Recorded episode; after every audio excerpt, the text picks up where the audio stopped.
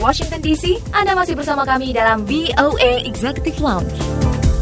Anda masih mendengarkan VOA Executive Lounge. Kini kita beralih ke liputan selanjutnya. Sebuah data terbaru dari situs World Economic Forum menyebutkan murid dan karyawan perempuan masih kurang terwakili di dunia STEM alias Science, Technology, Engineering, and Math. Kurang dari sepertiga murid perempuan memilih pendidikan tinggi di bidang matematika dan rekayasa. Sedangkan di seluruh dunia hanya ada sekitar 30 persen peneliti perempuan. Benarkah karir di dunia STEM masih kurang populer di kalangan perempuan? Kita simak selengkapnya bersama Dania Iman. Pratiwi Kusumawardani adalah perempuan yang menekuni bidang STEM alias Science, Technology, Engineering, and Math atau Science, Teknologi, Rekayasa, dan Matematika. Kini perempuan kelahiran tahun 1993 ini berprofesi sebagai Spacecraft Flight Dynamic Engineer atau Orbit Analyst yang bertugas menjaga posisi satelit milik sebuah bank di Indonesia dari pengaruh benda alami akibat gravitasi bumi, bulan, dan matahari. Sebagai perempuan yang terjun ke dunia STEM, khususnya antariksa, memang ada tantangannya, terutama dalam hal kesetaraan gender. Salah satunya terkait dengan pembagian jadwal kerja di kantor. Sistem kerja saya ini shifting tapi dari kantor sendiri kalau bisa tidak mengambil shift malam. Nah kadang-kadang hal itu yang membuat kita merasa tidak enak dengan partner kerja kita gitu. Padahal sebenarnya kita no problem gitu untuk hal-hal kayak gitu. Brenda Eckwerzel adalah ilmuwan senior di bidang iklim yang juga adalah Director of Climate Science untuk program iklim dan energi di lembaga Union of Concerned Scientists di Washington DC.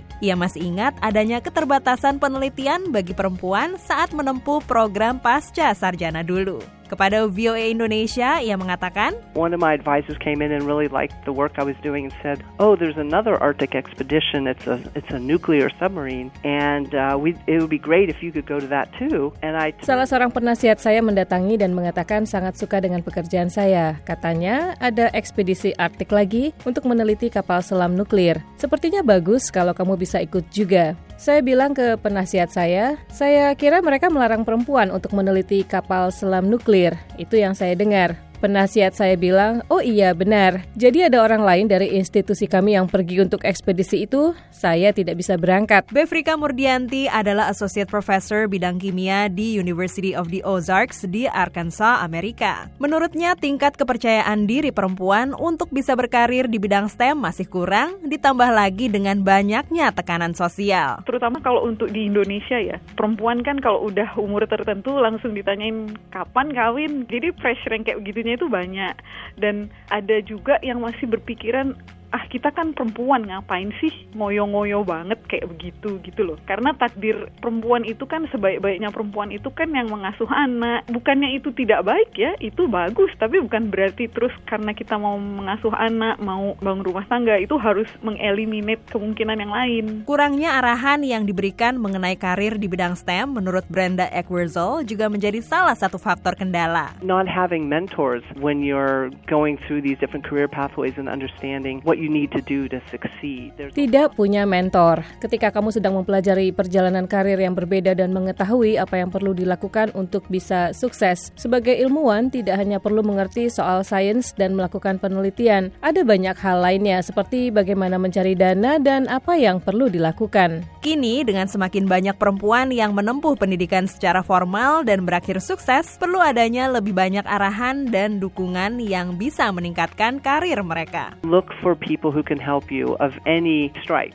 Whoever they are, anyone who could be your friend and help. Cari orang yang dapat membantumu, siapa pun mereka. Bertanya jika punya pertanyaan. Banyak ilmuwan yang mau membantu generasi berikutnya dan kami memerlukanmu karena banyak sekali tantangan di luar sana dan kami memerlukan pandangan-pandangan yang berbeda dari seluruh dunia. Inilah yang juga mendorong Pratiwi Kusuma Wardani mendirikan space.id di tahun 2017 yaitu sebuah wadah yang bertujuan meningkatkan kesadaran masyarakat di Indonesia tentang pesawat pesawat antariksa juga mengenai peran perempuan di dunia STEM. Salah satunya dengan mengadakan sosialisasi di sekolah-sekolah. Pastinya pengen lebih motivasi anak-anak di Indonesia, terutama perempuan untuk tetap bergerak di bidang STEM, di bidang space karena itu bukan hal yang mustahil gitu. Kuncinya menurut Bevrika Murdianti adalah untuk selalu bermimpi tinggi dan perseverance alias ketekunan. Dream as big as you can, tapi juga harus persevere.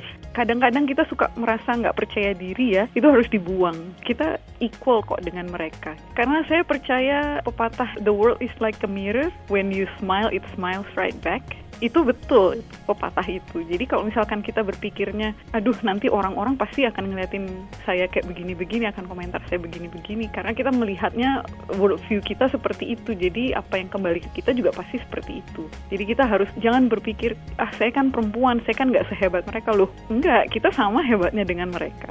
Dari Washington DC, Dania Iman, VOA. Ingin menyimak kembali siaran kami? Kunjungi situs kami di www.voaindonesia.com. VOA Executive Launch anda masih bersama saya Dewi Sulianti dan sekarang sudah waktunya kami pamit. Jangan lupa ikuti terus VOA Executive Launch melalui website kami di www.voaindonesia.com. Juga ikuti kami di akun media sosial VOA di Instagram, YouTube, dan juga Facebook at VOA Indonesia. Baiklah, saya pamit dulu dari VOA Washington DC. Saya Dewi Sulianti. Success with you all the way. Bye.